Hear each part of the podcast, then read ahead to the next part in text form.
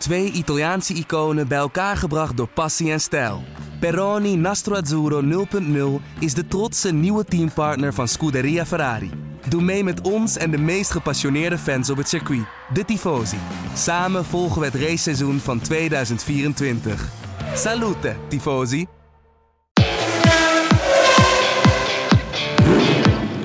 Dit is de Formule 1-podcast van De Telegraaf. Erik van Haren en Christian Albers praten hierbij over het belangrijkste Formule 1-nieuws. Ja, zondag op de Telegraafredactie eh, vijf lijsttrekkers van de grootste partijen van Nederland. Maar ja, nu op maandag nemen we deze Formule 1-podcast op. En dan is eh, Christian Albers in één keer in het gebouw. Iets minder beveiliging beneden. Weer, het ging weer niet voorspoedig het binnenlaten van deze oud Formule 1-coureur. Maar hij Ik is ben er. helemaal niet interessant, joh. Nee, dat, dat, ja. Ze zien me niet eens lopen. Ik ben natuurlijk ook super klein natuurlijk. Ja, Pim CD, de presentator van de voetbalpodcast onder andere. Ja, die doet eigenlijk van alles. Die doet politiek, privéflitsen. Alles doet hij eigenlijk bij de, bij de Telegraaf. Video die vroeg eh, zich af of jij eh, stemt in Nederland. En zo ja, wat je stemt. Als je dat wil zeggen natuurlijk. Ja, iedereen doet altijd geheimzinnig over. Maar ehm, ehm, zoals je weet heb ik Nederlandse televisie thuis. Maar ja, ik ben nog steeds nog wel eh, een Nederlander. En ehm, ik spreek eh, toch wel wat talen, maar behalve Frans. dus dat is ook super. Handig. Dat, is echt handig. Dat ik daar, maar mijn vrouw spreekt het wel. En mijn kinderen ook gelukkig, dus die kunnen een beetje helpen. Eh, maar ja, mijn business is meest eigenlijk in Engels of in Duits. Ehm, maar ik zat eh, toevallig een week geleden zat te kijken naar WNL op zondag. Wat eh, trouwens een best wel een leuk programma is. Ehm, ja. ja, maar ze zeggen dat het een beetje, ja...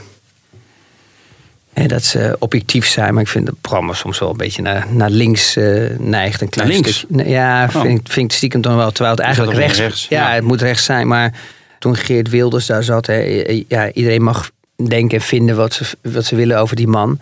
Ehm, maar ook daar vond ik iets schandaligs, weet je wel. De vraagstelling al, weet je, de manier waarop, eh, zo van, eh, ja, er wilt geen één partij met u samenwerken. Toen zat ik eigenlijk op de bank, denk bij mezelf, excuse me. Ik bedoel, eh, volgens mij wonen we allemaal nog steeds, hebben we nog allemaal een democratie. En volgens mij als mensen stemmen op een partij, dat zegt eigenlijk wel genoeg. Eh, dus het, ik, vind- ik vind dat ook eigenlijk ongelooflijk dat al andere partijen al voordat een verkiezing plaatsgevonden heeft, eh, zich al zo profi- profileren dat ze niet met een andere partij willen werken, ondanks dat het volk kiest. Ja. Ja, dat vind ik, dat vind ik, ik vind dat echt ongelooflijk. En als je dan ook ziet hoeveel, je, hoeveel, hoeveel namen erop staan om te kunnen kiezen in Nederland, 1500. Ja, je hebt Ik bedoel, 37 straks- partijen volgens mij. Ja. Volgens mij, als, je, eh, volgens mij, als we over een paar jaar weer moeten stemmen, dan, eh, dan kunnen ze bijna de lopen uitleggen van hoeveel namen er staan. En zo. Daar, daar kom je toch helemaal niet meer uit. En, en, en aan het eind van het verhaal betaalt de, belasting, de belastingbetaler, ik bedoel, dat, dat zijn, dus iedereen, die betaalt daar mee. Eh, voor al die mensen die ja, eh, mooi rondlopen in mooie pakken. En dan zeg ik wel, eens- denk ik wel eens bij mezelf, ja, weet je, laten we hun ook eens, halveer ook eens het salaris in deze tijd. Ja. En dan kijken wat er dan gebeurt. Of er dan echt eens een keer mensen gewoon de mouwen opstropen. En ook echt wat doen in plaats van alleen maar die mooie praatjes. Want dat, dat horen we volgens mij al jarenlang in Nederland. Maar laten we eerlijk zijn, ik mag daar niet, eh, ik mag daar niet, ik, ik heb eigenlijk geen stem. Nee. Omdat ik in het buitenland woon. En eh, eh, ja, dus ja, eigenlijk ben ik, het is, het is natuurlijk aan het Nederlandse volk die, Ja. die moet stemmen. Ja, punt gemaakt. U luistert naar de Formule 1 podcast van de Telegraaf. Wat vind jij? Wat Omdat vind even. jij? eh, Wat, wat, wat, wat, waar- Nou, wat vind jij dan nu van, eh, op dit moment dan van, van, van de politiek? Ik bedoel, als je die toeslagaffaire, dan eh, als, heb ik dan zo een beetje gevolgd vanuit het buitenland. Maar dat is toch ook echt schandalig. Ja. Hoeveel jaar dat onder het tapijt is geschoven. Waar mensen gewoon ook hè, brieven thuis hebben gekregen. Ik, ik, zou me wel eens voor, willen- ik zou me wel eens willen weten als een, als een asje dus die brieven krijgt. En die lezen en dan gewoon niks doen. Ja. Nou ja, hij heeft dan uiteindelijk nog zijn eh eh, biezen gepakt. Maar dat was meer. Dat Ja, was niet drie jaar na dato, Ja, dat was blijkt meer steeds verder vanwege terug. de druk uit zijn partij. In, in plaats van het echt het politieke punt volgens mij. Maar eh, ja. Maar hetzelfde geldt voor iedereen hoor, die daar zit hoor. Ik bedoel, hetzelfde- geldt ook voor Rutte en al die mensen. Ja, ik, ik vind het schanda- schandalig dat dat soort mensen. En daar wordt zo makkelijk over gedaan. Die mensen die gewoon in de schuld kwamen en, en die gewoon als criminelen weg worden gecijferd. Het, het, ja, ik vind het echt ongelooflijk. ja. Nee, duidelijk punt. Interessant. ja, dat was kunnen ook al een uurtje over praten. politieke podcast. Ik hoop dat er nog luisteraars over hebben op dit moment. Anders gewoon lekker doorspoelen, mensen. Ehm, ja, het is nu, we nemen deze podcast eh, nogmaals gezegd op maandag op. Eh, woensdag vertrek ik naar Bahrein. Drie testdagen maar dit jaar. Vrijdag, zaterdag, zondag. Eh, ik begreep dat Max Verstappen vrijdag de hele dag rijdt. eh, en dan zondagmiddag nog een keer. Dus de meeste zullen, ja, eigenlijk alle coureurs zullen anderhalve dag rijden. In plaats van andere jaren misschien drie, vier dagen. Ehm, maakt dat veel uit, denk je, dat het nu eh, minder dagen zijn op een ander circuit natuurlijk? Wel het circuit waar ook de eerste race is. Is dat een voordeel, een nadeel? Nou ja, voor een Formule 1 team is het natuurlijk balen. En het is frustrerend, want je wilt zoveel mogelijk testen. Nou, dat testen wordt elke keer ja, teruggebracht, teruggebracht. Ja, dus het Ja. wordt steeds moeilijker voor Formule 1 teams. Het enige wat wel positief is natuurlijk dat aan de auto zo weinig veranderd is. Dat eh, in principe de basis er wel al is. Ja. Waar, waar het testwerk en eigenlijk het heel, een heel seizoen met zo'n auto gereden is. Waar ze eigenlijk alle kinderziektes eruit hebben gehaald. Dus vandaar dat ze dus ook eh, eh, met minder testdagen ook wel toekomen. Ja, Ehm, maar het is natuurlijk fijner voor een Formule 1 team om zoveel mogelijk testdagen te hebben. Voor een coureur zeg ik altijd, ja, weet je, als je de eerste dag erin springt, de eerste twee, drie uur is leuk. Daarna begint het toch wel een beetje vervelend Ja. te worden, die rondjes te rijden. Ehm, en dan heb je momenten waar het weer echt cool gaat worden in de auto. Dat betekent gewoon echt gewoon, weet je wel, een nieuwe set banden. Weet je wel, het, het maximale eruit te halen. Weet je, waar je het, het gevecht aan kan met jezelf om je rondetijd te verbeteren. Je krijgt natuurlijk dan ook die, die tussentijd hè, op het stuur, weet je, waar je sneller bent, waar je langzamer bent. Dat gevecht met jezelf en dat gevecht met die auto, dat maakt wel weer gewoon... Weet je wel, dat je echt coureur bent. En dan merk je wel dat je gewoon een beetje ja, nou, kippenvel krijgt. En echt gewoon, weet je wel, die strijdlust naar boven komt. Die fi- fight spirit. Dat je de snelste ronde wilt hebben. En dat je ook wilt laten zien dat je gewoon de beste coureur bent van het veld. Dus dat is dan wel weer leuk. Maar dan Ja. heb je ook momenten erbij waar je ja, de race setup moest testen. Hè, en dat je echt langdurige, ja, veel rondjes moet rijden. Ja, dat is echt eh ja, doodsaai. Ja, maar je moet nu wel uitkijken. Ja, je moet altijd uitkijken. Maar als je crasht of als, je, als, of als er een ander probleem is met de auto. Als je nu bijvoorbeeld een middagsessie of een ochtend eh, misloopt qua tijd. Dan dat is best relatief gezien heel veel tijd. Als je maar eh, drie dagen kan testen. Ja, In klopt. totaal. Ja, je moet weer oppassen. Nou is, eh, moet ik eerlijk zeggen, Bahrein wel een circuit ehm, waar je veel ruimte hebt. Dus of Ja. je echt die auto weet je, in de muur kan krijgen, dan moet je ook wel, ja, moet je echt wel ja, een ster zijn. Om heel eerlijk te zijn. We hebben dat alleen één keer gezien met Max, dat hij de, dat hij de muur raakte. eh, en dat hij vast kwam te staan in het grind. Maar dat kwam dat je geen kant op kon. Ja, in de race. Ja, in de race, ja. Ja. Eh, maar in principe kom je helemaal niet zo ver, weet je wel. Eh, als een andere auto je niet raakt, eh, dan, dan in principe zou je niet eh, de vangrails kunnen raken. Of, Er zijn eh, meer race-incidenten, de Grosjean ook, hè, Bahrein. Maar ja, dat zijn natuurlijk andere momenten. dus eh, dus- dus op dat opzicht is wel een, een, een, een goed circuit om, de, om, te- om te testen. Ja, en bijvoorbeeld ehm, een McLaren bijvoorbeeld. Kijk, die rijden nu met een andere motor. Eh, dat is denk ik het grootste verschil in, in vergelijking met vorig jaar. Eh, is dat dan nog voor een beetje dat zij denken van nu kunnen we testen, twee weken later is de race. Kun je dan daartussenin nog veel doen, eh, veel tunen? Ja, niet wel- alleen McLaren, maar alle teams. Maar Maar dat is wel een goed punt, Erik. Want ehm, eh, daar heb je wel een team bijvoorbeeld. ja, wat wel een beetje van niet helemaal scratch moet beginnen. Maar die moest natuurlijk wel wat aanpassingen doen. Want dat heeft wel veel te maken met de koeling natuurlijk, naar de motor toe. Hè, ze gaan toch naar een nieuwe motor. Die eh, toch op andere temperaturen misschien loopt. En die, die meer, eh, meer flow nodig heeft, of minder flow misschien. En ja, daar, daar is het dan wel even krap. Dat is wel een team wat eh, eigenlijk. de teams die echt van motoren gaan wisselen. Ja, die, die hebben wel een beetje pijn dat er maar drie dagen test is. Want die willen het liefst natuurlijk wat meer. Ja, je, kan ook echt maar drie dagen testen. Je hebt volgens mij twee keer in het jaar zo'n filmdag of een shakedown. Maar dan mag je maar maximaal 100 kilometer rijden. Dus dat is eigenlijk niks. Red Bull deed dat bijvoorbeeld in de presentatieweek twee weken terug. eh, op woensdag eh, uit mijn hoofd. Dat ze die RB16B Perez en Verstappen. Die maar eh, zo- zo'n Red Bull heeft ook helemaal geen beelden verspreid daarvan nog. Twee, of twee foto's volgens mij alleen van die nieuwe auto. Dus dan gaat iedereen toch vrijdag kijken als Max voor het eerst uit de garage komt. Van wat is nou aan die auto veranderd? Of was het een spelletje? Of is er echt veel veranderd? Je ziet sowieso al veel teams die met name de achterkant van de auto, eh, zeg maar de vloer, eh, ook niet laten zien. Hè? Dat is natuurlijk de grootste aanpassing. Is dat echt een van zo, zo lang mogelijk de kaart eh, tegen de borst houden? Of is het ook een marketingspelletje? Wat denk jij? Natuurlijk niet. Maar al die, kijk, al die Formule 1 teams, wat leuk is voor de fans, is die hebben gewoon allemaal fotografen op de loonlijst staan. En die zijn de hele dag natuurlijk bij alle concurrenten alleen maar foto's aan het maken. Ja. Om zoveel mogelijk data en, en, en, en beeldmateriaal te verzamelen.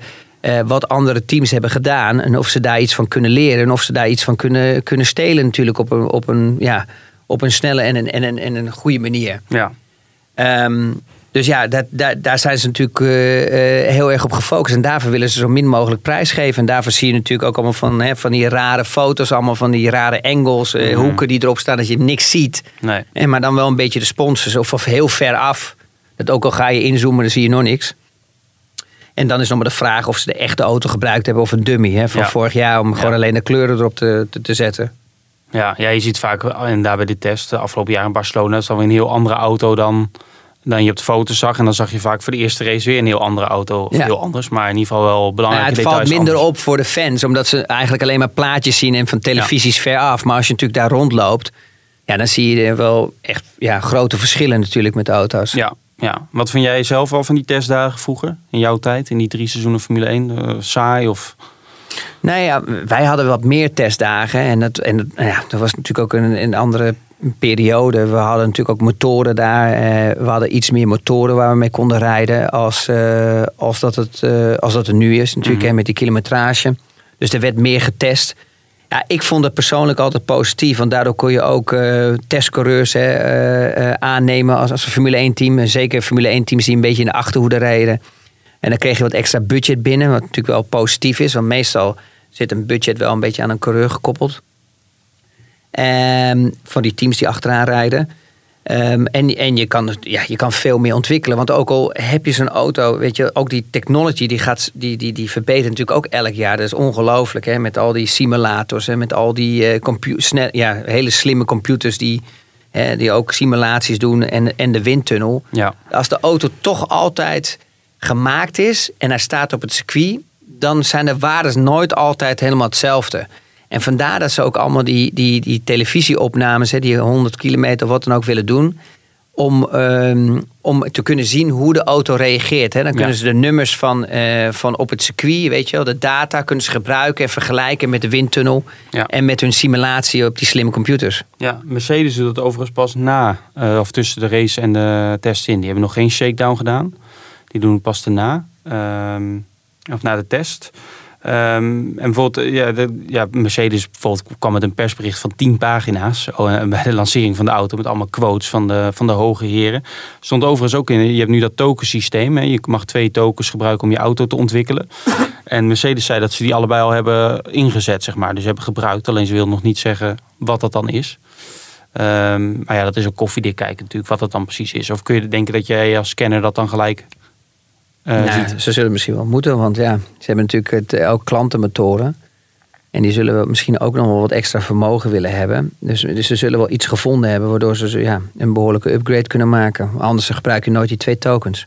Nee, exact. Ja. Ehm, ben jij zo iemand die dan eh, de afgelopen weken, als die liveries van die auto's worden bekend, eh, bekend worden gemaakt, eh, voor je computertje zit om te kijken naar die launch, eh, naar die presentaties? Of geloof je dat allemaal wel? Nee, oh, ja, ik vind het eigenlijk iets meer. Ik moet eigenlijk wel even weer een goede website zien te vinden. Dan keken we op de Telegraaf en zo een beetje bij jou. En, eh, maar er, er komt tegenwoordig met al die social media en zo. Dan, weet je, dan komen mensen die hebben dan een eigen versie Ja, gemaakt. dat is wel en, en ja. dan denk je, ah, het ziet er best cool uit. En dan Ja. later blijkt het helemaal, helemaal met niet. Aston Dus Martin. ook met auto's. Ja. Ook met auto's. Maar komen ze ook soms met modellen. Weet je, dan zie je in één keer Ferrari, SUV. Die bestaat nog helemaal niet. Dat soort dingen. Ehm, maar ja, ik heb er wel een paar gezien. Ja. Wat vond jij ervan? Nou, ik, eh, laat ik voorop zeggen, ik kijk niet naar al die shows. eh dus Alfa Romeo, ja, die, die maakt dan een soort songfestival eh, show van. Ja, het is allemaal leuk en aardig. Maar ja, ja, dat interesseert me niet zoveel. Ik maak wel al die. kijk, ik heb je net. het is goed dat je dat zegt. Ik heb je net het artikel op onze site laten zien met al die auto's onder elkaar. Dat is wel makkelijk. Ehm, maar ik vind het altijd wel leuk. Je krijgt wel een beetje weer meer zin in het nieuwe seizoen. Ehm, welke auto springt er nou voor jou uit? Ik vind bijvoorbeeld die Alpine. Kijk, je best wel wat leuk is. En dit jaar is dat best veel auto's zijn veranderd qua hoe ze eruit zien. Hè. Eh, Alpine, eh, natuurlijk nieuw. Aston Martin, eh, hele andere kleuren. Williams is, is flink veranderd. Haas is flink veranderd. Ja, ik moest aan Haas moest ik een beetje wennen, moet je eerlijk zeggen. Dat Want is een Russische vlag. Ja, maar het is toch een beetje een Amerikaans team, hè? Ja. Ehm, en dan zie je zo'n Russische vlag een beetje erop. Ja, dat heeft toch te maken, denk ik ook, hè, met het budget wat binnenkomt. En, Ja. eh, en de vuist ja. eh, eh, die op tafel wordt geslagen. En je ziet dan nog een eh, Amerikaans vlaggetje nog ergens Ja, achterop. ja, dan moet je goed kijken. Ja. Eh, Ehm, maar ik vond, ik vond die niet daar. Maar dat is meer misschien omdat ik ook niet zo'n fan ben van de, de Russische vlag. Ik vind de Russische vlag ook niet een mooie vlag of zo. Niet echt sexy. Ik bedoel, de Amerikaanse vlag is cool. En- Het leuke is dat Mazepin mag bijvoorbeeld dit jaar en volgend jaar niet onder de Russische vlag rijden. Hè, vanwege die dopingstraf van Rusland. Dus die rijdt onder een neutrale vlag. Maar je mag Ah, dus wel op je auto met een Russische vlag rondrijden. Dus dat is natuurlijk wel ja. eh, interessant. Want misschien dat ze het daar, Ja. daarom gedaan hebben, ja. Ehm, ik heb wel de presentatie gezien van Mercedes natuurlijk. Omdat Ja. ehm, ook heel veel mensen die zo'n eh, AMG eh, One krijgen. Zo'n echt zo'n snelle auto. Die wordt eh, ehm, uitgebracht met een, de eerste auto ooit in productie wordt genomen met de Formule 1 motor. En ik ben een van de gelukkigen die zo'n auto krijgt. Oh, Dus er was een, een loting. En die was eigenlijk gecombineerd met de presentatie van, van de Formule 1 team. Dus gezien en toen hebben we een loting gehad en, eh en was cool. Dus ik, ik moet je eerlijk zeggen, ik vond, eh, daar zag ik natuurlijk Lewis Hamilton en, en Valtteri Bottas. maar dat was aan het eind van de ochtend dan of zo. Ja, of zo. Ja. ja, Want ja. daarna, smiddags waren die Of het persconferenties. was, ja, of ja, zoiets ja. Volgens mij, ik kan het me niet herinneren. Was het 's middags of eh, s ochtends? Helemaal vanaf twee Nee, het was, nee, het was 's middags. Oh, maar wij hebben misschien een aparte nog gehad daarna. Ja, misschien zijn er twee geweest. Om twee uur begon tijd. speciale begon, eh, journalisten krijgen natuurlijk altijd iets speciaals. Ja, Mercedes doet het al goed. Met, eh, om twee uur kwam dan Toto Wolff en dan Bottas en Hamilton met persconferenties via Zoom. Ah, oké. Nee, wij zijn daarna geweest. Ja. En daar stonden ze alle drie naast elkaar. Maar wel Ja. natuurlijk met afstand voor corona. Ja, die foto's gezien. Ja, en, eh, en toen is daar nog een gesprek geweest. Ja, een interview, Oh. ja. Oké, heb je ook, kon je ook nog wat vragen? Nee, nee, helaas Oh, ja. Maar als ik iets wil vragen, dan vraag ik het wel. Oké, ja, dat dacht ik al. Maar ik vind, ik vind zelf bijvoorbeeld als we... Dus met Ik weet niet of Toto nog even zo enthousiast bij mij opneemt. Maar de rest, Nou, de dat, rest nog wel. eh, antwoord weet ik wel. Dat is eh, nee. Ehm, maar dat geldt terzijde. Eh, maar het is een beetje lastig in de podcast. Want we kunnen natuurlijk geen plaatjes laten zien. Maar de mensen, de kennis, eh, je kan het eh, er natuurlijk bijhouden. Maar ik denk, eh, eh, ik vind zelf de Williams heel lelijk. Maar dat is, ja, dat is een kwestie van smaak. Jij vond hem wel mooi volgens mij. Nou ja, eh, ik vind hem niet verkeerd. Maar wat je mist, en denk waarom jij hem lelijk vindt... is dat je eigenlijk geen sponsoring op de auto Ja. ziet staan. En dat breekt soms wel. Weet je als je echt namen erop staan... eh, We, we zitten boven in ons hoofd, hebben we altijd het gevoel dat we een- een raceauto moeten zien met sponsoring. En als daar de- geen Hmm. sponsoring op staat, ja, dan is het echt zo kaal en naakt. Ja. Dat het eigenlijk eh, ja, lelijk is voor ons. Ja, maar ik vind de Alpine en Aston Martin, ja, dat zijn natuurlijk hele nieuwe auto's. Die vind ik allebei heel mooi. En ik moet wel zo ook over zo'n Williams zeggen, is misschien een beetje laf, maar als je ze in, in het echt ziet, sommige auto's vallen dan best wel mee of juist tegen. Een paar jaar geleden toen Ferrari naar dat meer dat matrood ging, vond ik het eigenlijk op de foto's best mooi. En in het echt vond ik het een beetje. eh, mhm. Maar dat is ook een kwestie van smaak. Overigens, Ferrari maakt de auto deze week bekend, dus die is nog niet helemaal bekend. Maar Weet je wat het mooie is dat van Ferrari eigenlijk? Is dat heel veel mensen niet weten. Is dat Ferrari pakt eigenlijk altijd een, de, de echte basiskleur van Ferrari is eigenlijk rosso corsa. Mhm. Ja, dat is echt de, de, de- het echte rood. Maar eh, het Formule 1 team rijdt eigenlijk al meestal met de kleur. Behalve heb je natuurlijk wel eens jaren gehad dat ze het eh, donkerrood, weet je, de Bordeaux-rood hadden Ja. gepakt. Maar de meeste jaren, hè, waar Schumacher gereden heeft, waar die wereldkampioen is geworden, is de kleur van het Formule 1 team Rossa Scuderia. En Rosso eh, Scuderia is ehm, eigenlijk een beetje een, een iets meer eh, agressieve lichtgevende kleur. Hè? Dus Mhm. iets feller rood met een soort fluor erin. Ja. Eh, en dat gebruiken ze omdat op de televisie dan Rosso Corsa is.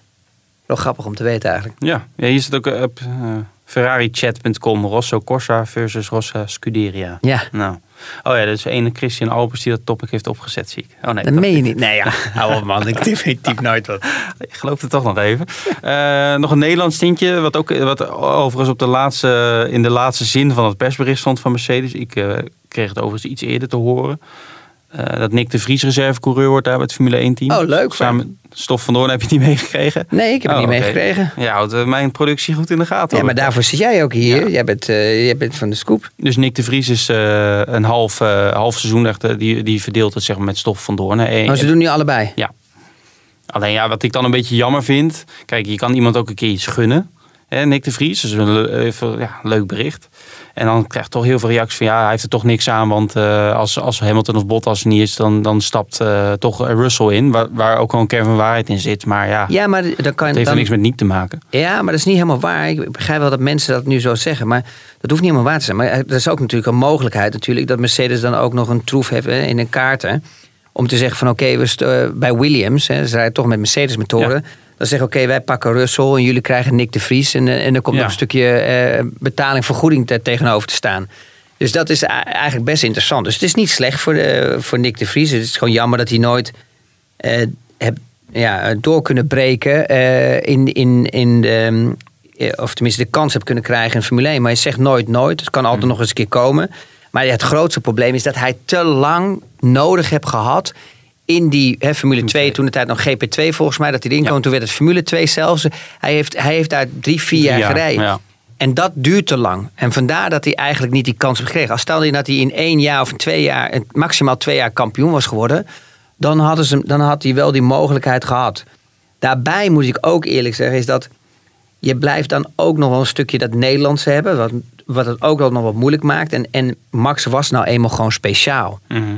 Eh, wat die Nederlandse vlag gewoon een stukje weggedrukt heeft. Max, Max is meer internationaal. En het, Max was gewoon echt een natuurtalent. En die heeft de kans gekregen bij een Dr. Marco. En je ziet dan dat als een coureur niet echt mega outstanding is... dat het gewoon echt heel moeilijk is, ook Ja. voor een Nederlander om in de Formule 1 te komen. Ja, precies. Ehm, ja, kijk, we kunnen wel allerlei dingen gaan doornemen over verwachtingen van het seizoen. Alleen dat kunnen we, denk ik, eh, met jou goed vinden beter eh, volgende week doen na de test. Al is er dan natuurlijk ook nog niet heel veel over te zeggen. Alleen alles wat je nu zegt over verhoudingen of kansen is natuurlijk best wel koffiedik kijken. Ja, het is nu nog heel moeilijk. Want eh, waar het om gaat is natuurlijk... je- je- ze moeten heel veel downforce verminderen. Hè, Ja. Door die nieuwe reglementen. En je weet niet hoe elke auto erop reageert. Het is niet zo, zeg maar bijvoorbeeld... dat je zegt van oké, luister eens. Wij, eh, ik, om even een voorbeeld om het makkelijk te maken, om uit te leggen. We halen 50% downforce ervan af. Ja, dan is de, de rondetijd, eh, eh, noem maar wat, een seconde langzamer. Nee, die auto kan gewoon compleet anders reageren. Als, Omdat er misschien hè, ehm, met het hele complete pakket er iets meer downfor- downforce was. Misschien op de auto aan de voorkant of op de achterkant. Maar als je het in één keer eh, gaat verminderen, dan kan het best zijn dat het meer is op de voorkant of meer Ja. op de achterkant of ander. Hè, dus, dus er zijn heel veel mogelijkheden die kunnen plaatsvinden op die auto. En dan krijg je een soort rijeigenschap. Ja, en als je dan bij rijeigenschappen weer komt, ja, dan kan je zien natuurlijk hè, seizoenen die we meegemaakt hebben. Sommige coureurs die ligt dat wel, maar sommige coureurs ook absoluut niet. Ja, dan heb je gewoon echt een probleem. Dat hebben we gezien bij Vettel bijvoorbeeld. Ja, ja dat, is, eh, dat heb je goed uitgelegd. Ook in een, eh, hè, hoe was het ook weer als je achter je stuur eh, zelf in die auto zit? Hoe je dan, als je snel, wat was het ook weer? Jij legde het toen uit met een, hoe Vettel in zijn auto zat. Nou ja, nee, kijk, als je gewoon, als je het licht meer. Hè, of Oh, je moest half gaan liggen. Ja. Nou ja, het ligt een beetje aan hoe, hoe, wat voor positie je fijn vindt om te rijden. Als je gewoon normaal in je auto altijd zit en je gaat in één keer je, rugleuning helemaal naar voren doen en je gaat op je stuur zitten, ja, dan rijdt je auto ook compleet anders terwijl het dezelfde auto is. Dus het is, het is meer het gevoel ehm, wat je hebt met de auto. Maar, maar Vettel is meer een coureur die wil rijden met een auto die wat onderstuurd is. En, die, en die, die voelt zich niet happy in een auto die heel nerveus meer, meer overstuurd is. En Alonso en dat was ja. En Leclerc is wel zo'n coureur die daarmee kan rijden. Het is net hetzelfde als Max. Max kan zich daar een beter aan aanpassen aan een oversturende auto. En soms is een oversturende auto sneller als een klein beetje onderstuur. Weet je, omdat gewoon, ja, dan heb je wat meer grip. Dus, dus dat, dat ligt er net aan hoe de, hoe de auto het karakter is. En dat, en dat test je, dat, dat test je met testdagen, weet je wel. Is een, is een auto sneller qua rondetijd met overstuur of is hij sneller met onderstuur? En dat heeft ook te maken met de coureur waar hij meer vertrouwen in hebt. Als jij Ja. geen vertrouwen hebt, ja, dan rem je 50 meter eerder. Ja, als dat je echt vertrouwen in de auto hebt, dan kan je ook laten remmen. Dan kan je ook meer jezelf forceren. Dan kan je ook meer pushen. Nou, en dat, dat, dat viel eigenlijk allemaal weg bij, bij Vettel. Maar ja, we gaan zien dit jaar eh, hoe hij het gaat doen. Ehm, ik denk als hij in zijn rustelement weer gaat komen. Misschien hè, dat als Stroll niet echt eh, of hem de kans geeft om sneller te zijn in het begin. Dat hij weer vertrouwen krijgt. En dat hij misschien, eh, als dan de auto hem ligt, dat hij dan wel weer een beetje mee kan doen. Ja, maar bijvoorbeeld Alonso is ook zo'n coureur die niet van overstuur houdt. Ja. ehm, maar bijvoorbeeld een Leclerc en ook een Verstappen zijn wel inderdaad coureurs die zich dan Ja. aan kunnen passen. Is dat, eh, dit zijn dan vier voorbeelden bij elkaar, maar is het dan ook misschien dat jonge coureurs dat tegenwoordig makkelijker kunnen, ook met al het simulatorwerk? Of is dat Ik makkelijk? denk dat het ook, ja, ik denk dat het ook een switch is van periodes. Weet je wel? We hebben gemerkt, eh, dus met die, met, die, met die slimme computers, met die technology, met de testdagen. eh, merk je dat eigenlijk auto's met overstuur vaker een snellere rondetijd kunnen creëren. Ehm, dus als je daar natuurlijk jongs af aan al mee begint te leren rijden, dan krijg je daar ook meer vertrouwen in, meer gevoel natuurlijk. Hè. Iets wat je elke dag doet. Als je elke dag een glas oppakt, ja, die op dezelfde plek staat aan de tafel. Dan krijg je dus, ja, er wordt een automatisme. Maar als de glas in één keer aan de overkant van de tafel staat, en je moet er elke keer overheen, ja, dan is dat wel een nieuw gevoel. Weet je, het is gewoon een, een, een, ja, een nieuwe beweging. En eh, dat, merk je nu, eh, dat merk je nu wel. Je ziet dat die jonge coureurs daar heel snel kunnen aanpassen. Ja, en dat ze daar echt heel hard mee kunnen rijden. Ja, duidelijk. Ehm, laten we eens even wat vragen doornemen van onze trouwe luisteraars, kan ik inmiddels wel zeggen. Ehm, even kijken. Sander die vroeg op Twitter: eh, wat doen de Formule 1-teams in de twee weken tussen de testdagen en het eerste Grand Prix weekend? Dus allebei in Bahrein. Blijven ze daar of gaan ze terug naar de fabrieken? Wat denk jij? Ik denk dat, eh, en er wordt ook nog gevraagd wat ik zelf doe. Nou, ik zelf eh, vlieg zondagavond na de test gelijk weer terug naar huis. Dan ben ik Jij bij je vriendin wilt zijn natuurlijk. Nee, ik maandagochtend in Amsterdam, eerste podcast. en daarna ga ik inderdaad naar mijn vriendin, dat klopt. Ik weet dat ze Zij is ook wel echt lief, moet ik eerlijk zeggen. Ze is veel liever dan jij bent. Ja, eh, nou ja, dat klopt inderdaad. Even kijken. En ik kan het weten, want ik had jullie aan de telefoon op de carkit. Ja, ja, jij belde op een Ja. ongelegen moment. Ja. Ik moest opnemen. Ja, en is echt lief. me. Ik begrijp echt niks van hoe je dat voor elkaar hebt gepokst. Maar oké. Ja, misschien ben ik buiten, de uitz- of buiten jou met het contact met jou al een heel ander persoon. Eh, maar eh, wat denk jij? Kijk, volgens mij coureurs eh, en teambazen zullen allemaal denk ik weggaan. Eh, tussendoor gaan terug. Die gaan daar niet anderhalve week blijven. Nou ja, ik, bij mij was het zo dat ik soms toch wel een week daar bleef. Hè, want het is, to- ja, het is toch weer vijf, zes uur in een vliegtuig. Dan valt dat wel mee, want Bahrein vlieg je overdag hè, Ja. in principe. Dus het is zo voorbij. Ehm, maar de, de echte mechanics en dat soort dingen, echt het, te- het team wat gerund wordt, dus echt de auto's, dat soort dingen, die gaan na de testdagen gaan natuurlijk die auto's helemaal uit elkaar.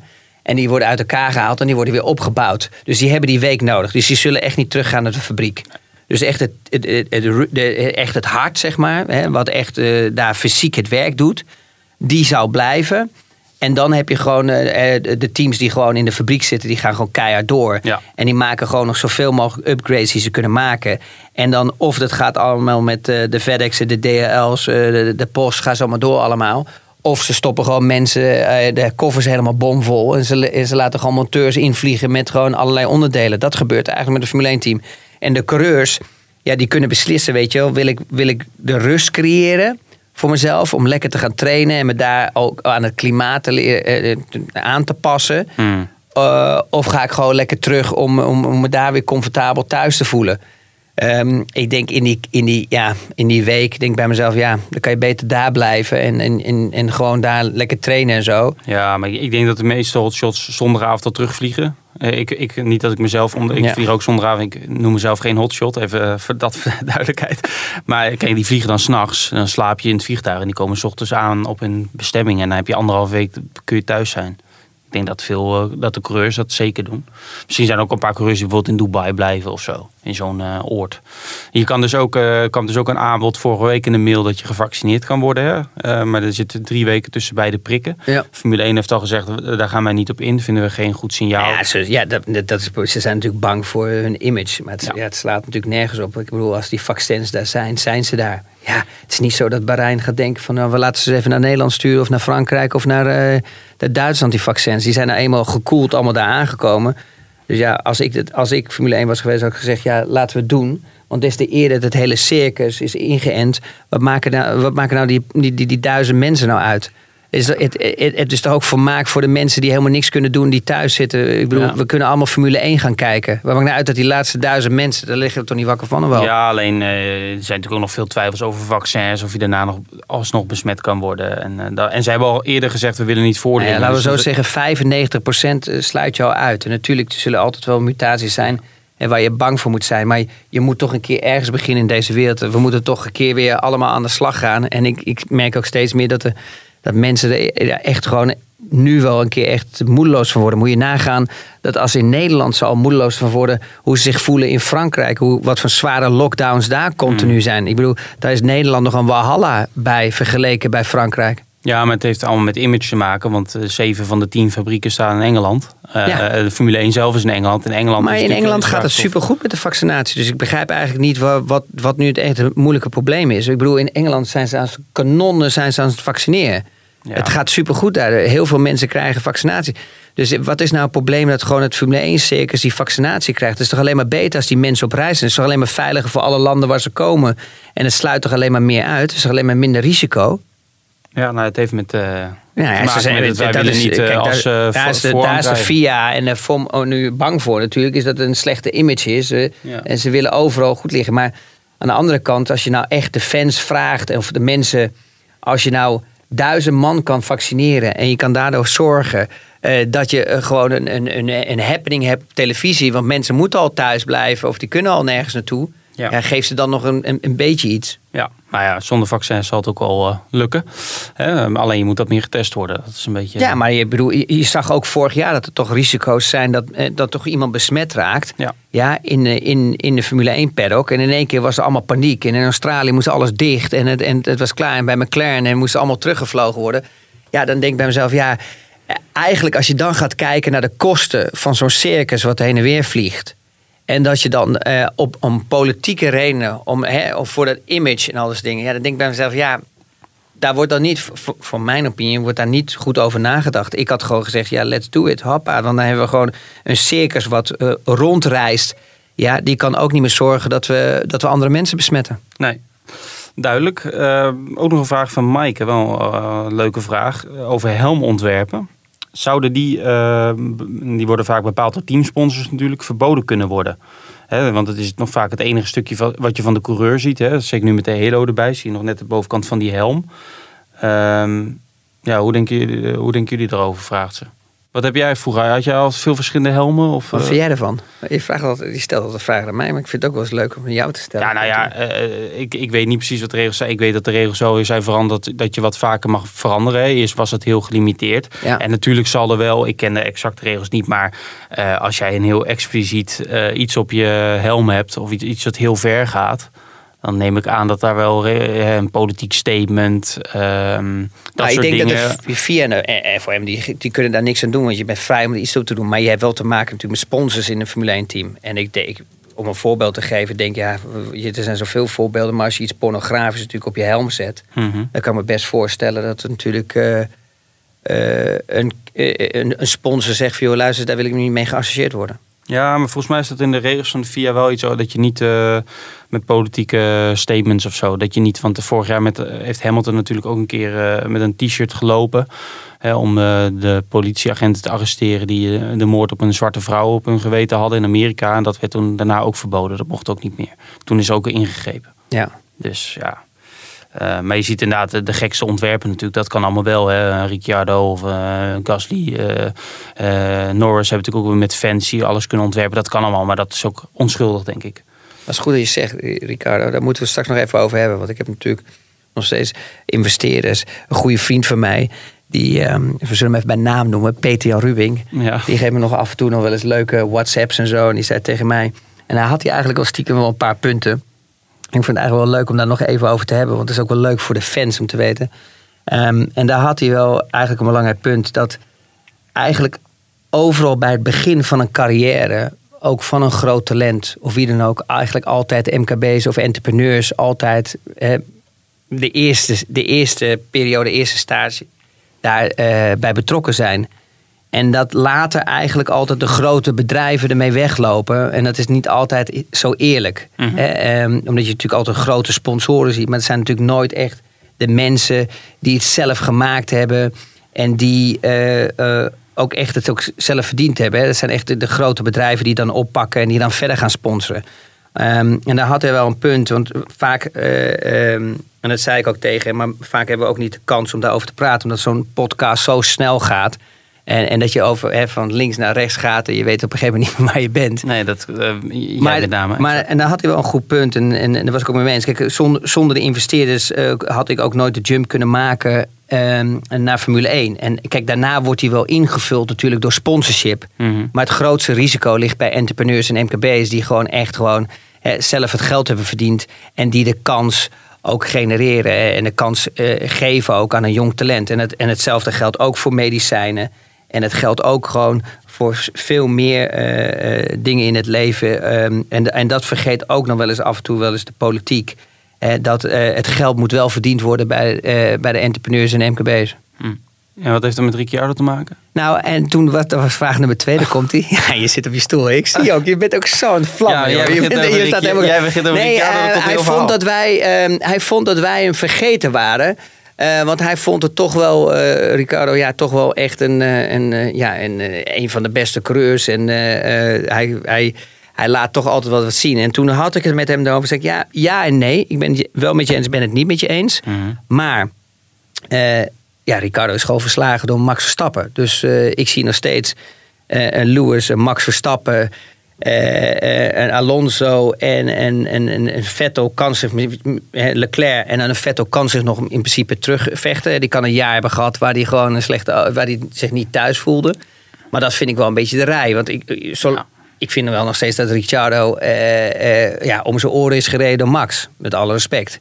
Ja, Je zag dat Max zeker langer- het laatste jaar. Ja, Eh, zeker weten. Kijk, en hij heeft natuurlijk net op het juiste moment nog een geweldig contract getekend bij Renault. Ja. Alleen bij Renault hadden ze daar ook gewoon veel meer van verwacht. Zeker dat eerste jaar viel het gewoon heel erg tegen. Ja, maar ik vind, wel Ricardo, ik vind Ricardo wel gewoon echt een qualifying. Is het wel een beest, weet je wel. Hij weet wel echt, weet je, die, die ronde eruit te pompen. Maar je zag bijvoorbeeld in het begin, aan de, aan de andere kant was ook zo dat Max daar nog echt in dat proces moest groeien.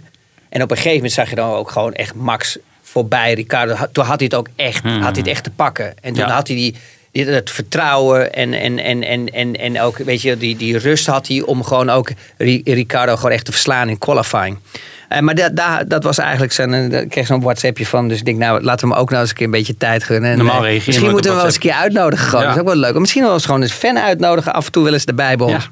Ja, nou ja, er zijn vast fans eh, van jou in ieder geval die dat willen. Maar wat je zegt, oh, eh, dat is ook wel leuk. Perez vorige week, die calculeerde eigenlijk al in dat Verstappen hem helemaal gaat vermorzelen in de, in de qualifying. Want die zei al van, nou ja, Max is zo goed in qualifying. En ik hoop dat ik in de, qua race pace, dat ik hem een beetje bij kan houden. Even vrij vertaald. Ja. Dus alleen het is wel Heel slim. Maar heel slim, want hij haalt heel veel druk bij hem zichzelf ja, weg. ja, want En- Gas, Gasly maakte de fout door toen hij dat stoeltje kreeg door te zeggen: Nou, ik, eh, mijn doel is om Verstappen te verslaan. Nou, we weten hoe dat is gegaan. Albon ging juist de andere kant op. Die zei: Ik wil veel leren. Nou, ik hoop dat hij in anderhalf jaar tijd veel geleerd heeft. Maar ja, wel zijn stoeltje kwijt. En Perez blijft heel erg op de vlakte. Hè. Die zegt van: eh, Nou, Nou, eh, eigenlijk- afwachten. politiek gezien ziet, doet hij dat perfect. Ja, tuurlijk. Want ik bedoel, als hij in één keer voor Max staat, ja, dan is hij geweldig. Ja. Hè? Laten we eerlijk zijn. Ja. En als hij netjes aan kan sluiten bij Max, ja, en hij is goed in de omgang, hè, en Max heeft, eh, kan goed met hem opschieten en al dat dingen. Hey, dan zie ik daar een rol voor Perez dat hetzelfde is als Bottas. Eh, dan, dan hebben we het echt over een, eh, een, een, een langere periode waar hij onder contract kan blijven staan bij, bij Red Bull. Want dan, gaan, dan gaat Marco of anderen gaan hem niet zo snel verplaatsen. Want je kan niet naast Max Verstappen een ander talent zetten, want die wordt vermosseld. Ja. Dus als hij kan zorgen dat hij zich, eh, dat hij ook, soms is het eigenlijk voor een sportman ook wel raar om zo'n instelling te hebben. Maar het kan ook niet verkeerd zijn als hij die instelling zo hebt van oké, ik ben achter Max, maar hij- probeert wel het maximale eruit te halen. Ja, dan krijgen we op een gegeven moment wel een, een tweede coureur, net zoiets als Lewis en Bottas. En dan kan hij best wel eh, heel lang bij Red Bull eh, blijven. Ja, en hij heeft, kijk, als je het heel hoog van de daak gaat schreeuwen, is allemaal leuk en aardig. Alleen je, word je, de eerste, je er elke week mee om de oren geslagen als het tegenvalt. Eh, en dat heeft Red Bull natuurlijk zelf vorig jaar als team ook gezien. Door het heel erg te zeggen van we gaan voor de titel. En die zijn nu ook al wel terughoudend richting het seizoen, zeg maar. Eerst maar eens even kijken hoe we ervoor staan. Hey, een andere je- vraag. Ik heb, gewoon, ik heb gewoon die microfoon zo in mijn hand hier zo. Ik heb nog wel een leuke vraag voor jou, Ja, Erik. doe je microfoon het weer, want je zat Ja, die- weer dat ding ja, te die- slopen. Die viel er echt zo aan. Ik Ja, of viel eraf, je zat er aan leek ding te eh, Queen. Weet je wel? Die hield ook al zo lang Ja. een stang vast met, zijn microfoon. Ja, nou, je hebt wel ik heb die veel gezien. Die was geweldig Ik heb trouwens, jouw dansmoves hebben we natuurlijk twee weken geleden laten horen. Ja, die eh, kwamen niet in de buurt van hem. Maar, Nee, eh, nee, nee. Maar het was wel dichterbij. Ja. hè? Ja, nog een vraag. Trouwens, een coole, eh, coole, coole film. eerlijk gezegd, Ja, over- zeker. Over Queen. Absoluut. Ehm, ehm, ja, jij had, er was op een gegeven moment een super coole persconferentie Oh, van ja. Red Bull en al dat dingen. En je kon helemaal one-to-one met de coureur. Dat was Max of niet? Dat was eh, een- na onze vorige podcast. Ja, nee, dat was met eh, Al- Alexander Albon. Dus dat, dat was op maandag, ja. Maar Ik was er bang dat dat het enige was die week. Maar later, dat Red Bull deed het heel slim. Maandag Albon. Dinsdag auto-lancering. Woensdag Ja. eh, beelden van de auto. Maar ja, het was de oude auto, hè, de RB15. Ja. eh, op het circuit. Silverstone, donderdag persconferenties met Verstappen en Perez. Was heel netjes gedaan. Maar maandag was Albon. Ik denk, ja, eh, waarom? Want je weet toch al wat hij gaat zeggen. Dat hij eh, teleurgesteld was in, eh, in, zijn, eh, in de beslissing om hem te droppen. Maar dat hij nu eh, vol gas eh, hè, naar de toekomst toekomst kijkt en dat hij hoopt ooit weer terug te keren. Is nu natuurlijk reservecoureur. Maar wat voor vragen heb je hem gesteld? Nou, dat soort, ja. eh, kijk, je moet je ook voorstellen dat het een sessie is van 10 minuten. Of een kwartier was dit trouwens, sorry. Maar, maar er zitten 50 journalisten bij, hè? Ja. En, en wat Red Bull ook nog doet, kijk, bij Mercedes, ook via Zoom, dat is misschien wel leuk om te vertellen, daar kun je gewoon je handje opsteken of Ja. in de chat zeggen dat je een vraag wil stellen. Ja. Wat doet Red Bull? Die doen dus eh, niet met dat systeem. Dus iedereen moet gewoon wie, wie wat zegt, die kan een vraag stellen. Dus je gaat ook allemaal mensen die door elkaar heen praten Ah. krijgen. Maar Red Bull, ik moet zeggen, eh, ik heb daar pas eh, we hebben het ook over gehad, eh, wat kritisch. Maar nu perfect geregeld, ook met Verstappen. Internationale sessie en daarna nog met de Nederlandse media. Dus eh, daar valt echt eh, niets over te zeggen. Wat ik dan wel weer een persoonlijk punt vind, is dat veel Engelse, eh, vooral internationale journalisten, die dan tien keer aan Verstappen gaan vragen wat hij van het seizoen verwacht. En je weet nu toch wel, dit is zijn zevende seizoen dat Max Verstappen in februari of in maart nog niks gaat zeggen. Want hij weet nog niet. Hij heeft nog geen kilometer met die auto gereden. Nee, dat vind ik wel eigenlijk wel verstandig van. Maar Ja, maar ja, wat moet je dan moeilijk. Ja. Dat snap ik niet echt. Maar goed, Ehm, ik heb nu weer dat, sy- eh, ach, dat systeem eh, loopt er weer uit. Ik, eh de helmontwerp hebben we gehad. Ehm, Dennis Broekhart, misschien wel jouw grootste fan, die vraagt twee dingen. Of jij alleen Formule 1 kijkt, of ook eh, nou, bijvoorbeeld Formule 2, Formule 3, IndyCar, WEC. eh. Kijk je daar nog naar? Of is het wel Formule 1? Nee, ik kijk echt alleen maar Formule 1.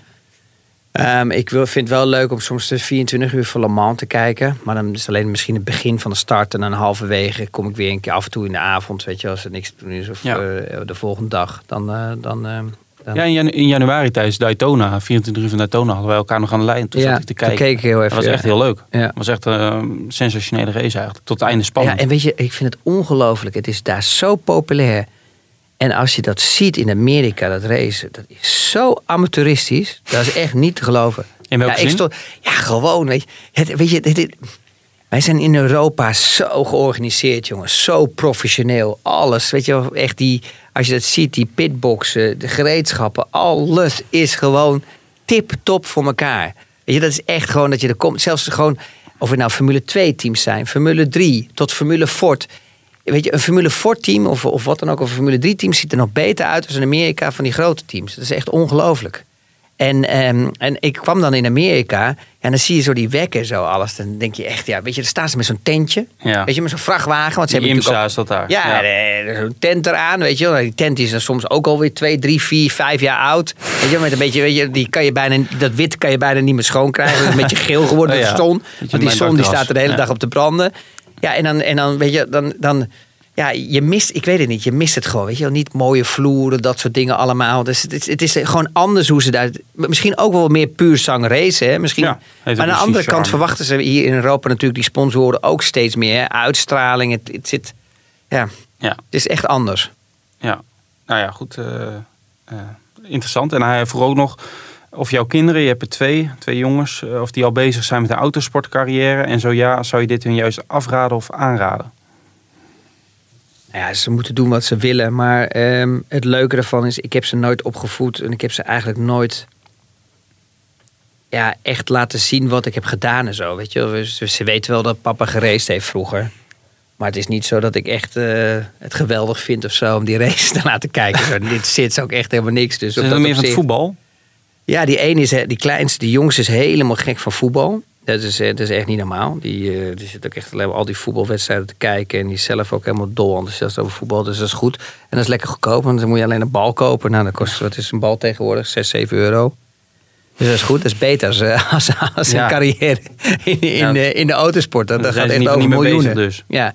En die oudere is een beetje meer, eh wil een beetje meer richting ja, eh, grafisch design. Een beetje, een Oh. beetje reclame, die kant op helemaal. Dat soort dingen vindt hij helemaal geweldig. Oké. Ja, want ik zag pas wel dat jullie op het circuit, eh, dat jij eh, voordeed hoe het was. Dat je zo op de grond ging zitten op de straten van Monaco. Zag ik ergens voorbij komen. Nou, dat meen je niet. Dat vind ik echt zo verschrikkelijk. Dat is zeker mijn vrouw weer die op Instagram. Ik- dat weet ik, de bron kan ik niet ja, prijsgeven. 100 procent. Ja, ja. ja, nee, ik liet het even zien aan de kinderen. Omdat we gingen lopen door de stad. En om een beetje frisse neus te halen, dat soort dingen. En, en eh, dat legde ik uit natuurlijk. Dat als je naar boven rijdt in Monaco, met Hotel de Paris. Ja. Ja, die kinderen hebben natuurlijk gewoon geen flauw benul. Die denken, ja, papa, je hebt daar gereden en dit en dat. En toen, en toen liet ik ze even zien gewoon hoe het gevoel was. Dat als je daar natuurlijk met 250, 300 naar boven komt, naar Hotel de Paris, daar zit daar natuurlijk die knik. Maar als je staat, dan kan je, het, heb je natuurlijk, kan je alles zien. Ja. Maar als je natuurlijk op de grond zit, zoals je ook in de Formule 1 auto zit, weet je, je zit maar 5 centimeter van de grond af, 10, maximaal, hè, met de bodem misschien 10 centimeter of 15, houdt op. Dus ik liet ze op de grond zitten en dan zei ik van, ik zie je Junior en mijn Jimmy, mijn, mijn, mijn kinderen, kan je nu zien wat er aankomt? Weet je, je ziet dus niet wat voor bocht er aankomt. Dus je moet zeg maar voorstellen dat je daar met 300 aankomt, maar je ziet niets. Je hebt gewoon Nee. twee vangrelen.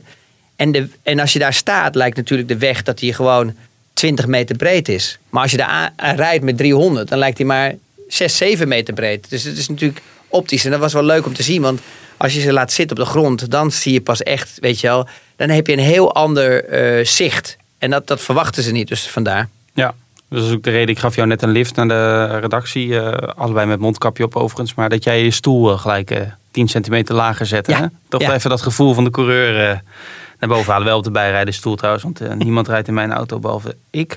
Ehm, ondanks alle eh, commentaren van de bijrijder in dit geval. Nee, je rijdt heel lekker. Oh ja, net Ja. zei je wat anders. Ja, nee, je rijdt echt fantastisch. Dat pompen vind ik ook zo lekker altijd op de gas. Ja. En ik ben ook blij dat je ook overal rechts rijdt. Ja, dat betekent dat dan hou je ook de ruimte over voor mij als ik op de weg rijd. Ja. Dat iedereen gewoon, de snelle rijders een beetje op links voorbij Ja, maar kunnen. het is ook leuk dat jij dan denkt dat je de weg Maar ik heb het nog nooit gezien. Ik heb nog nooit een weg gezien van een, ja, optisch gewoon aan de rechterkant. Dus het is echt het is een hele nieuwe Ja, belevenis voor gewoon mij. zo'n notoire linksrijder. Ja, dat klopt. Ja. Nog iets anders? Ik heb ook nog leuk? nooit bij het stoplicht staan rechts. Als er twee banen zijn, dan zie je altijd natuurlijk links. En nu in één keer stond ik rechts. Heel raar. Dus je heb je hebt- ook allemaal vrachtwagens, allemaal muren voor je en zo. Je, ziet ook niks meer, je ziet geen landschap, Je hebt sowieso nog nooit bij een stoplicht eh, ge- gestopt, denk ik. Je rijdt gewoon overal doorheen. Nee, dat is niet waar. Ik hou me echt netjes aan de, aan de regels. Ja, nou oké. Eh, nog iets leuks misschien voor de luisteraar. Een heuse prijsvraag. Eh, Mercedes eh, stuurde vorige week een pakketje op naar mijn huis. Met, ja, een, een, een- ik moet het even uitleggen, een blauw petje van Valtteri Bottas. Er staat nummer 77 op. Hij is gesigneerd ook Ja, door super Bottas. cool man. Het Ja. is best een leuk petje. Blauw, blauw. Er staan ook wat andere teksten op. Maar ja, die ga ik zelf niet houden. Dus die wil ik graag weggeven aan aan de luisteraar. Dachten we, nou, misschien even een vraag stellen. Mijn, mijn voorstel was om dan te vragen wat eh, jouw eindklassering was in de nieuwjaarsspecial van eh, Dancing with the Stars. Maar dat was te makkelijk, denk ik, want daar hebben we twee weken geleden al uitgebreid over gehad. Ehm, dus nu hadden we bedacht de laatste overwinning voor Christian Albers in de autosport. Hè, dus de laatste race-overwinning. Ja. Voor de duidelijkheid. Down they come, they're towards us with, in third place, Albers. That's the top three. Ekstrom, then Paffett, then Christian Albers. 30 minute driving. Albers leads now. Wat willen we hebben? Het jaar en circuit en klasse. ja, gewoon de laatste overwinning. Ja, dus Ja. In, in welke klasse? Nee, dat kunnen ze toch circuit? zelf wel. Dat is niet zo moeilijk, toch? Als ze gewoon de laatste overwinning komen, ze er zelf wel achter. eh, Ja, maar dat ze dat ook even doorgeven. Niet dat ze alleen zeggen eh, een jaartal. Het is wel leuk om nog even de, het circuit te noemen dan ook, toch? Ja, maar ja, laatste overwinning is natuurlijk ja, waar en, Ja, en welke klas Nou, en zo. dat is mijn punt inderdaad. Dat kun Ja, ja, maar ik ben niet zo slim als jij bent. Nee, dat klopt. Wat heb je nou op ik die heb- trui staan eigenlijk van je? eh, de, laat ik even kan je alleen prijs- lezen als je je armen zo doet opzij. Laat ik- dat je vliegt, dan kun je het alleen maar lezen. Laat- dat is een heel laat apart ik- die trui voor jou. Zal ik eerst even... Oké, ja, maar eh, voordat jij je eigen show er weer van maakt. Ja. De- het antwoord op de prijsvraag kunt u mailen naar podcast.telegraaf.nl. Dus podcast.telegraaf.nl. En bij deze is de familie Van Haren en de familie Albers, die zijn uitgesloten. Hè? Die mogen niet meedoen. Nee, dat klopt, ja.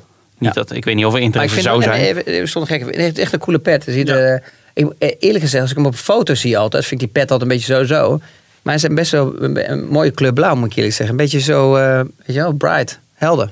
Ja. Ja, nou duidelijk. Dan zijn we er doorheen. Of had je nog een, eh, laat, wil je nog een laatste woord tot de kijker of tot de luisteraar richten? Nee, we moeten heel veel gaan knippen, want we hebben veel te lang gepraat. Nee, valt wel mee. Ehm, ja, we zijn de volgende week alweer op maandag. Dan ben jij denk ik niet hier aanwezig. Nee. Nee. Nee, ik, ben, ik was eigenlijk maar voor twee of drie dagen gekomen. En, ehm, dus we konden, we konden het mooi combineren. Ja, nee, super. wordt Ja. gewaardeerd. Ehm, wat ook gewaardeerd wordt is dat u eh, ja, een recensie achterlaat of reacties achterlaat. Beoordelingen, die zijn best wel positief de laatste tijd hè? op Eh. de Apple Podcast eh, app. Ik stuur jou toch af en toe wat door. Ja, Ja, ik vind het heel leuk, moet ik eerlijk zeggen. Dat, ben ik niet, ja, dat verwacht ik eigenlijk ja, vaak niet, maar het is wel leuk. Dus ja, des te meer vragen we hebben dat, dat mensen, eh, fans leuk vinden om te weten. Ehm, ja, we willen graag die uitleg eh, geven natuurlijk. ja, en ook leuk dat jij eh, nu een vraag kreeg, ook via de app, via een contact of een vriend. Ik weet niet wat het was, Ja. maar over Ricciardo. Nou ja, dat, nee, dat was, nee, dat was een investeerder. Oh, ik- investeerder, Ik heb vroeger natuurlijk vroeger toch vier, vijf investeerders gehad die het mogelijk maakten. Dat was Peter Jan, Fred en Michiel en Roel. Eh, die maakten het toch eh, mogelijk om, eh, om die stap naar de Formule 1 te maken. En zonder dat hun een garantstelling deden voor het budget, kan je die niet invullen met sponsorships. En dat is altijd wel leuk. En natuurlijk moeten we blij zijn met die bedrijven die sponsoren. Mhm. Maar vaak of meestal hè, komt de investering echt van entrepreneurs of MKB's. En dat heb je ook gezien bij Red Bull. Hè, die beginnen zelf een, een Formule 1 team. Dat zag je ook bijvoorbeeld hè, ehm, eh, met eh, Eddie Jordan. En zag je daarna met Alex Snyder. Ga zo maar door. Dus Ja. vaak, en dat zie je ook met medicijnen. Heel vaak kopen die hele grote medicijnfabrikanten medicijnen op. Maar die zijn allemaal, eh, allemaal gefinancierd. allemaal door eigenlijk allemaal investeerders. Ja. Michel Perridon was ook jouw sponsor, of Ja. niet? ja. Tegenwoordig, Een goede eh, sponsor, een leuke sponsor. Ik bedoel, ik hoor wel eens mensen van, ja, hij heeft soms eh, een moeilijk karakter. Ik kon eigenlijk altijd wel goed met eh Michel overweg. En tv-ster tegenwoordig, hè? Ja, Met, Dragon's met Den. Dragons Den, ja. Ja. Is Leuk programma. ja, het is een leuk programma. Ehm, en maar, en, en ik, ik, volgens mij heeft hij het ook altijd wel naar zijn zin gehad. Eh, Volgens mij was hij blijer toen hij sponsor was met DTM. Omdat hij vond gewoon echt Mercedes een triple-A-brand. En, en daar was hij heel blij mee met zijn product. Dat hij daarbij mocht eh, horen. En dat was ook natuurlijk... Ja, weet je, daar had ik ook het materiaal om te kunnen winnen. En, en het is net zoals dat Max altijd zegt. Ja, weet je, kijk, als je gewoon een goede auto hebt... dan kan je ook gewoon echt wereldkampioen worden. En als de auto's, eh, als er twee, drie teams zijn die heel dicht bij elkaar zitten, ja, dan maakt een coureur nog wel eens het kan een coureur nog wel eens een verschil maken. Ja. Ja, maar meestal is het gat ja, best wel groot. En ja, dan, dan, dan blijft het echt aan de coureurs die in, in, dat, in die auto zitten, die het een winnende auto is. Ja, nou perfect. Goeie eh, slotwoorden. We gaan volgende week weer eh, dan gaan we terugkijken op de test. En vooruitkijken op de eerste race van het seizoen. En eh, dan maken we ook de winnaar, denk ik, van de, deze geweldige prijs bekend. Ja, top. Ja, Chris, Dankjewel. bedankt dat je, dank, leuk dat je er was. En ik weet niet of ik je nu nog een lift moet geven of dat je dat nog aandurft. Maar dat zien we zo meteen wel. En u bedankt voor het luisteren. Tot volgende week. Dankjewel.